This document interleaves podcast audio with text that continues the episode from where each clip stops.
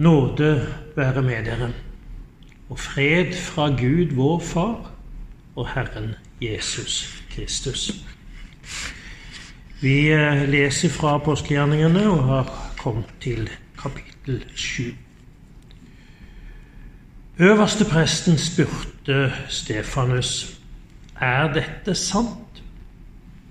Stefanus svarte, brødre og fedre. Hør på meg. Herlighetens Gud viste seg for vår far Abraham mens han bodde i Mesopotamia, før han slo seg ned i Haran. Gud sa til han, Dra bort fra landet ditt og fra slekten din til det landet som jeg skal vise deg. Da reiste han fra Kaldealandet og bosatte seg i Haran. Og etter at hans far var død, lot Gud ham flytte derfra til dette landet som dere nå bor i. Gud ga ham ikke noen egen jord der, ikke så mye som en fotsbredd, men han lovet å gi ham og hans ett landet til eiendom, enda han ikke hadde barn. Og Gud sa til ham at ætten hans skulle bo som innflyttere i et fremmed land, der de skulle være slaver og bli plaget i 400 år. Men det folket de skal være slaver for, vil jeg dømme, sa Gud. Og så skal de dra ut og tjene meg på dette stedet. Siden ga Gud ham omskjærelsespakten, og han ble far til Isak og omskar han på den åttende dagen. Slik gjorde også Isak med Jakob, og Jakob med de tolv stammefedrene. Stammefedrene ble misunnelige på Josef og solgte ham til Egypt, men Gud var med ham og berget han ut av all nød. Han ga han visdom og lot ham vinne velvilje hos farao, egypterkongen, og kongen satte ham til å styre Egypt og hele sitt hus. Så ble hele Egypt og Kanaan rammet av hungersnød, og nøden var stor. Våre fedre fikk ikke tak i mat, da Jakob hørte at det skulle være korn i Egypt, sendte han fedrene dit for første gang. Andre gangen de kom, ga Josef seg til kjenne for brødrene sine, og farao fikk vite om slekten til Josef. Da sendte Josef bud og kalte til seg sin far Jakob og hele familien, 75 personer. Så reiste Jakob ned til Egypt, og der døde både han og fedrene våre. De ble ført til Sikhem og lagt i den graven Abraham hadde kjøpt av Hamors sønner i Sikhem og betalt med sølv. Tiden nærmet seg da Gud skulle innfri det løftet han hadde gitt Abraham. Folket hadde vokst og var blitt tallrikt i Egypt. Det sto fram en ny konge i Egypt som ikke visste om Josef. Han brukte list mot folket vårt mishandlet fedrene våre og tvang dem til å sette ut spedbarna sine så de ikke skulle leve opp. På den tiden ble Moses født.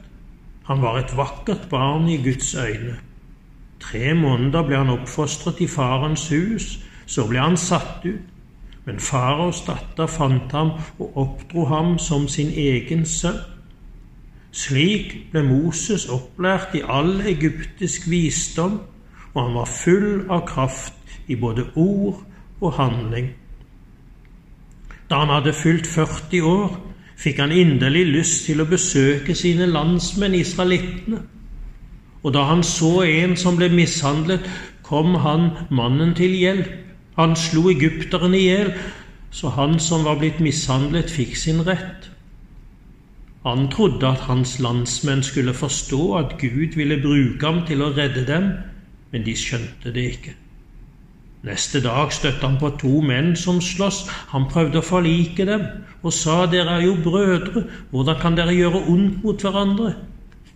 Men da han som hadde gjort urett mot sin neste, skubbet han til side og sa, Hvem har satt deg til leder og dommer over oss? Tenker du kanskje å drepe meg slik du drepte egypteren i går? Disse ordene fikk Moses til å flykte og han slo seg ned som innflytter i Midian. Der ble han far til to sønner. Da 40 år var gått, viste en engel seg for ham i ørkenen ved Sinai-fjellet i flammen fra en brennende tornebusk. Moses så dette syn og undret seg. Da han gikk nærmere for å se etter, lød Herrens røst, Jeg er dine fedres Gud, Abrahams og Isaks og Jakobs Gud. Men Moses skalv av redsel og våget ikke å se opp. Da sa Herren til ham, Ta skoene av føttene for det stedet du står på, er hellig grunn. Jeg har sett hvordan folket mitt blir plaget i Egypt, og har hørt klagen deres. Jeg har steget ned for å fri dem ut. Gå nå, jeg sender deg til Egypt.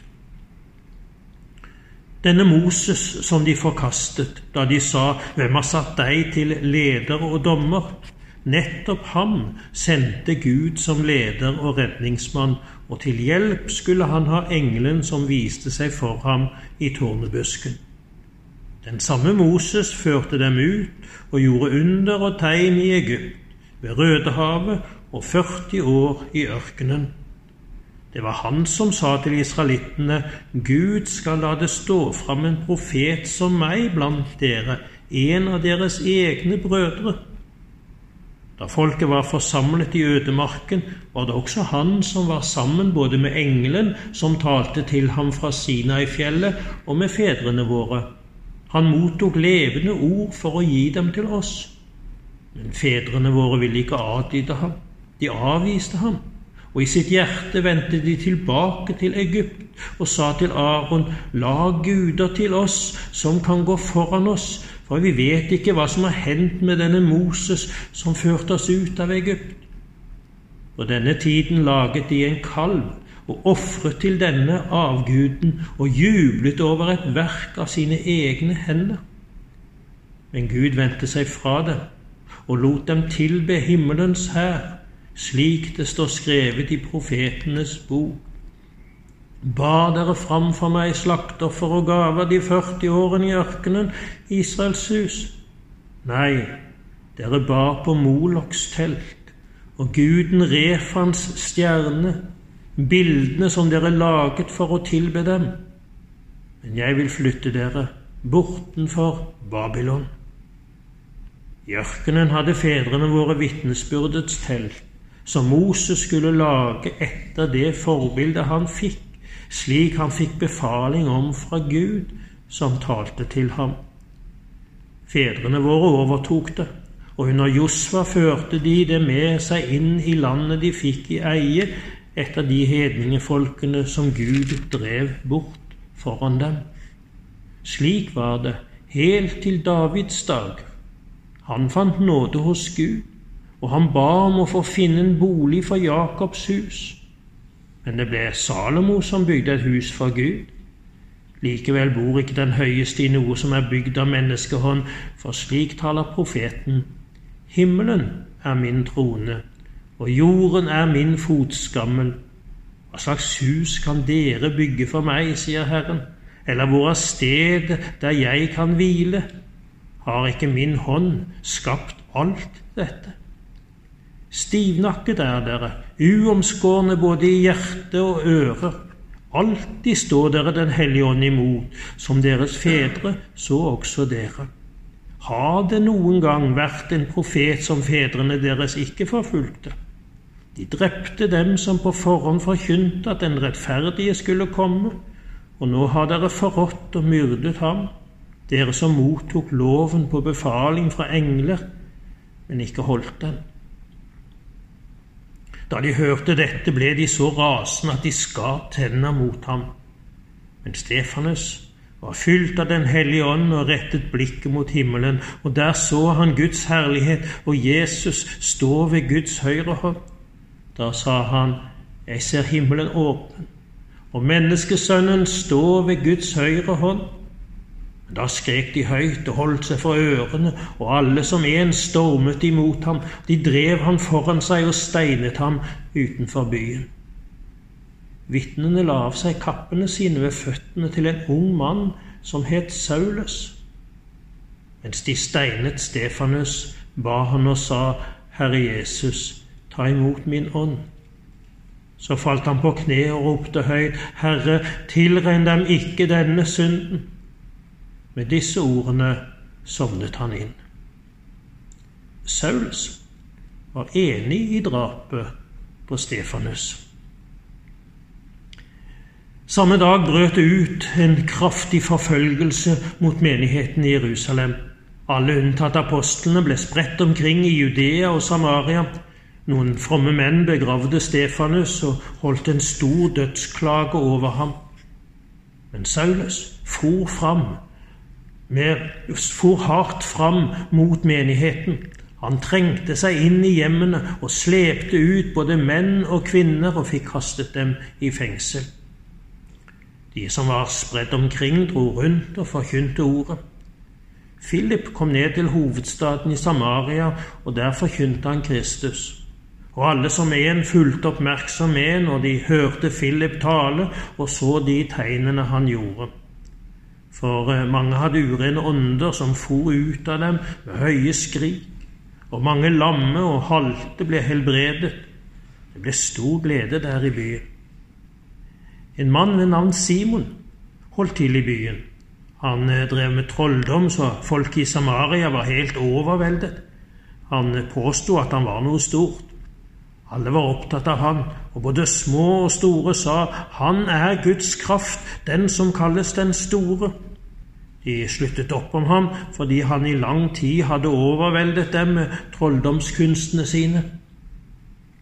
Men da de fikk tiltro til Philip, som forkynte evangeliet om Guds rike og Jesu Kristi navn, lot de seg døpe, både menn og kvinner. Simon selv kom også til tro, og han var blitt døpt og Da han var blitt døpt, holdt han seg stadig til Philip og var overveldet av de tegn og mektige gjerninger han så. Apostlene i Jerusalem fikk nå høre at Samaria hadde tatt imot Guds ord, og de sendte Peter og Johannes ned dit. De kom ned og ba for dem, slik at de skulle få Den hellige ånd. For ånden var ennå ikke kommet over noen av dem, de var bare døpt til Herren Jesu navn. Nå la de hendene på dem, og de fikk Den hellige ånd. Men da Simon så at ånden ble gitt ved at apostlene la hendene på dem, tilbød han dem penger og sa, Gi meg også slik makt, så den jeg legger hendene på, kan få Den hellige ånd. Men Peter sa til ham, Måtte pengene dine gå til grunne sammen med deg, du som tror at du kan kjøpe Guds gave for penger. Du har ingen arvelodd eller del i dette, for ditt hjerte er ikke oppriktig mot Gud. Omvend deg fra denne ondskapen din og be til Herren, så kanskje Han vil tilgi deg det du tenker i hjertet. For jeg ser at du er full av bitter galle og lenke til ondskap. Da sa Simon, dere må be til Herren for meg, så jeg ikke skal bli rammet av det dere har sagt. Etter at de hadde vitnet og talt Herrens ord, vendte de tilbake til Jerusalem, og underveis forkynte de evangeliet i mange av landsbyene i Samaria.